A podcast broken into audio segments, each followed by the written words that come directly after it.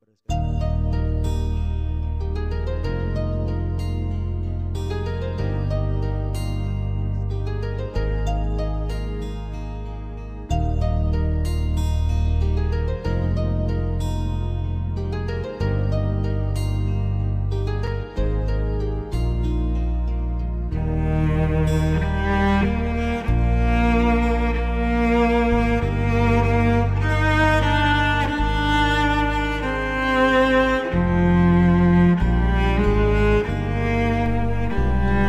Pagi umat-umat Tuhan. Kita bersyukur untuk anugerah pagi hari ini yang Tuhan berikan. Kita punya waktu lagi beribadah. Kita punya waktu menyanyikan puji-pujian, mendengarkan doa syafaat kita, dan tiba saatnya bagi kita untuk mendengarkan firman. Kisah para Rasul pasal yang keempat, ayat yang ke-13 kita akan mulai sampai ayat yang ke-22. Bagaimana sesuatu keadaan yang terjadi dari Petrus, Rasul Petrus bersama dengan Rasul Yohanes yang ada di bait Allah. Dan kini mereka sudah dibawa ke pengadilan agama hanya karena di bait Allah mereka memberitakan Injil. Ada orang lumpuh yang bisa berjalan dan berita tentang Yesus terus dikabarkan dan itu menjadi gangguan. Kisah para Rasul pasal yang keempat ayat yang ke-13 sampai ayat yang ke-22. Demikianlah firman Allah. Ketika sidang itu melihat keberanian Petrus dan Yohanes dan mengetahui bahwa keduanya orang biasa yang tidak terpelajar, heranlah mereka dan mereka mengenal keduanya sebagai pengikut Yesus. Tetapi mereka melihat orang yang disembuhkan itu berdiri di samping kedua rasul itu. Mereka tidak dapat mengatakan apa-apa untuk membantahnya. Dan setelah mereka menyuruh rasul-rasul itu meninggalkan ruang sidang, berundinglah mereka dan berkata, tindakan apakah yang harus kita ambil terhadap orang-orang ini? Sebab telah nyata kepada semua penduduk Yerusalem bahwa mereka telah mengadakan suatu mujizat yang menyolok dan kita tidak dapat menyangkalnya. Tetapi supaya hal itu jangan makin luas tersiar di antara orang banyak, baiklah kita mengancam dan melarang mereka. supaya mereka jangan berbicara lagi dengan siapa pun dalam nama itu. Dan setelah keduanya disuruh masuk, mereka diperintahkan supaya sama sekali jangan berbicara atau mengajar lagi dalam nama Yesus. Tetapi Petrus dan Yohanes menjawab mereka, Silahkan kamu putuskan sendiri. manakah yang benar di hadapan Allah, taat kepada kamu atau taat kepada Allah. Sebab tidak mungkin bagi kami untuk tidak berkata-kata tentang apa yang telah kami lihat dan yang telah kami dengar. mereka semakin keras mengancam rasul-rasul itu, tetapi akhirnya melepaskan mereka juga, sebab sidang tidak melihat jalan untuk menghukum mereka karena takut akan orang banyak yang memuliakan nama Allah. Berhubung dengan apa yang telah terjadi. Sebab orang yang disembuhkan oleh mujizat itu sudah lebih dari 40 tahun umurnya.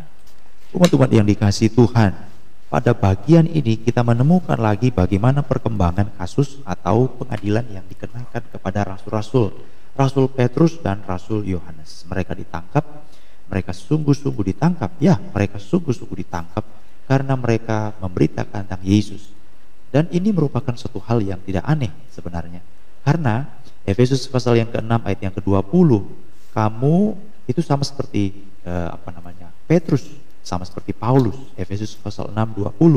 Aku adalah utusan Allah tetapi ini seperti terbelenggu. Namun demikian aku berbicara dengan berani sebagaimana aku seharusnya. Jadi saudara-saudara yang dikasih Tuhan, mungkin ada yang bertanya pagi hari ini, kenapa Petrus itu ditangkap oleh mahkamah agama? Bukankah dia menyiarkan atau mengkabarkan berita agama? Kenapa Efesus 6:20 itu Paulus juga mengatakan dia ditangkap, dia dibelenggu. Bukankah ini merupakan sesuatu yang dikatakan tuh uh, adalah sesuatu siaran atau berita agama. Bukankah itu berita agama? Jadi bagaimana saudara-saudara? Bukankah ini merupakan sesuatu hal yang harus dikabarkan? Kenapa ada satu halangan? Saudara-saudara yang dikasih Tuhan perlu kita mengerti. Walaupun itu adalah berita agama, tetapi mereka diadili oleh pengadilan agama. Dan kalau kita membaca dalam kisah para rasul pasal yang ketujuh, kita akan temukan di sana orang yang bernama Stefanus itu mati.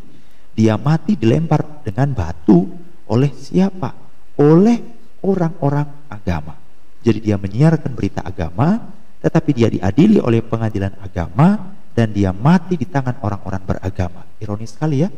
Jadi berita agama itu belum tentu menjadi berita yang menyenangkan semua orang. Atau saya balik, pengadilan agama meskipun itu mengadili hal-hal yang berkaitan agama belum tentu mereka mengadili dengan adil dan jujur. Karena berita agama memang bisa saja berita yang diselewengkan. Itu sebabnya perlu pengadilan agama untuk menunjukkan apakah berita ini berita yang benar atau tidak benar. Tetapi pengadilan agama pun adalah pengadilan yang dibentuk atau diisi oleh orang-orang berdosa.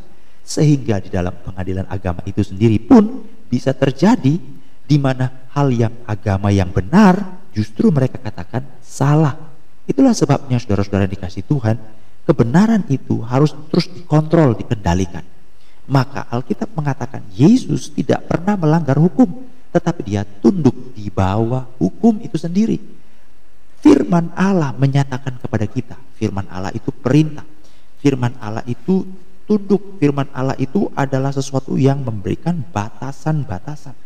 Itu sebabnya Alkitab mengatakan kepada kita bahwa bagian-bagian daripada firman Allah yang disebut dengan perintah, yang disebut sebagai sesuatu hal yang daripada Allah, itu adalah sesuatu yang diwahyukan oleh Roh Kudus kepada orang percaya. Tetapi walaupun orang percaya harus tunduk di bawah hukum Tuhan, di bawah firman Allah, itu adalah sesuatu hal yang kita mengikut teladan Kristus. Karena apa? Karena Kristus sendiri adalah Allah yang membatasi dirinya. Saudara-saudara.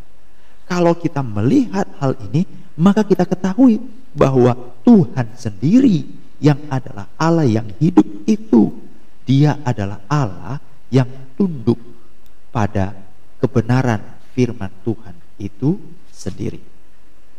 Jadi saudara-saudara, yang dikasih Tuhan, kalau kita melihat apa yang terjadi dalam surat 1 Korintus pasal yang ke-15, maka kita akan temukan di sana bagaimana Allah sendiri adalah Allah yang mau menyatakan bagaimana dia itu mengalahkan segala sesuatu. Tetapi walaupun dia mengalahkan segala sesuatu, dia juga menyerahkan kepada Allah. Ini Yesus menyerahkan segala sesuatu.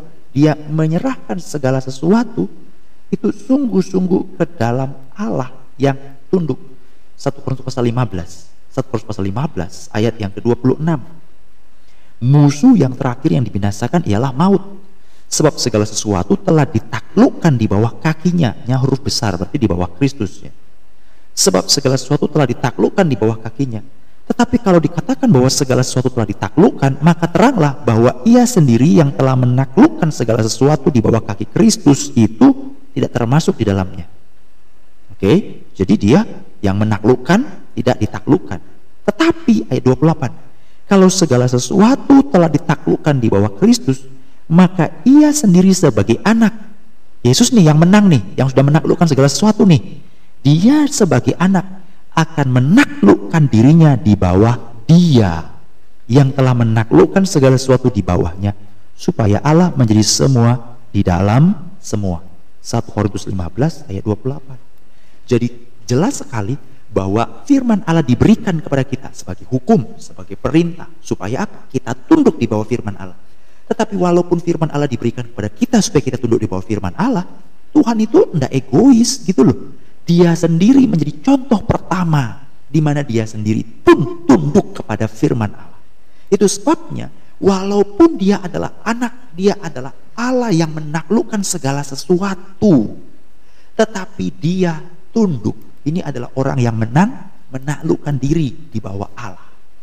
Karena Allah itu adalah Allah yang tidak melanggar hukum. Jadi saudara boleh baca ulang lagi 1 Korintus pasal 15 ayat yang paling tegas ayat 28 tapi ceritanya mulai ayat yang ke-25 ia telah menaklukkan segala sesuatu tetapi walaupun ia telah menaklukkan segala sesuatu, ia tidak termasuk ditaklukkan. Tetapi walaupun ia tidak termasuk yang ditaklukkan, tetapi ia membawa semua yang ditaklukkan termasuk dirinya tunduk kepada Allah yang berkuasa. Jadi saudara-saudara yang dikasih Tuhan, inilah yang dikatakan Tuhan Yesus. Walaupun Petrus memberitakan agama, tetapi dia diadili oleh pengadilan agama. Walaupun Paulus memberitakan agama, dia juga adalah terbelenggu karena memang dunia ini tidak mengenal kebenaran. Dan kalau kita berkata, bagaimana pengadilan agama bisa membunuh orang-orang seperti ini, itulah bukti nyata bahwa pengadilan itu pun dipenuhi oleh orang-orang berdosa. Jadi adakah kemungkinan mereka salah memutuskan? Ada. Pengadilannya mungkin baik, tapi karena dijalankan oleh orang-orang yang tidak mengenal Allah, maka sesuatu yang baik itu juga menjadi dosa.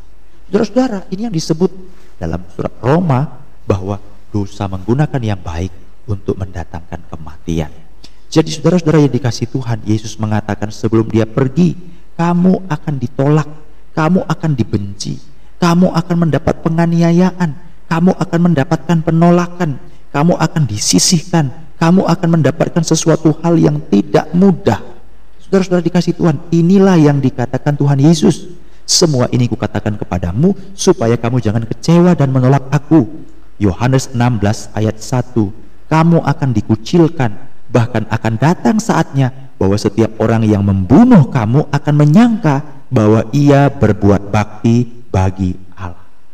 Jadi mereka berpikir mereka menyenangkan Tuhan, padahal mereka membunuh pekerjaan Tuhan. Mereka berpikir bahwa mereka itu memuliakan Tuhan, padahal sesungguhnya mereka melawan Tuhan. Itu sebabnya orang yang melayani harus mengkontrol diri, mengendalikan diri, menundukkan diri, mengkoreksi diri, menterangi diri di bawah firman. Supaya apa? supaya orang itu jangan merasa dia melayani Allah padahal sesungguhnya dia menista Allah. Dia memuliakan Allah padahal sesungguhnya dia merendahkan Allah. Dia pikir dia mempermuliakan Allah padahal dia mempermalukan Allah. Dia pikir dia melayani Allah padahal sesungguhnya dia menjauh dari Allah. Nah, itulah sebabnya saudara-saudara kita perlu memikirkan bagian ini. Jadi Petrus ditangkap lalu diadili dengan pertanyaan-pertanyaan yang banyak sekali tetapi puji Tuhan oleh pimpinan Roh Kudus karena Petrus menjawab dan dia penuh dengan Roh Kudus. Itulah yang perlu terus-menerus kita miliki, dipenuhi dengan Roh Kudus. Tuhan memberikan jawab sama seperti Markus 13:11. Tuhan memberikan jawab kepada mereka bagaimana mereka harus membedakan pembelaan.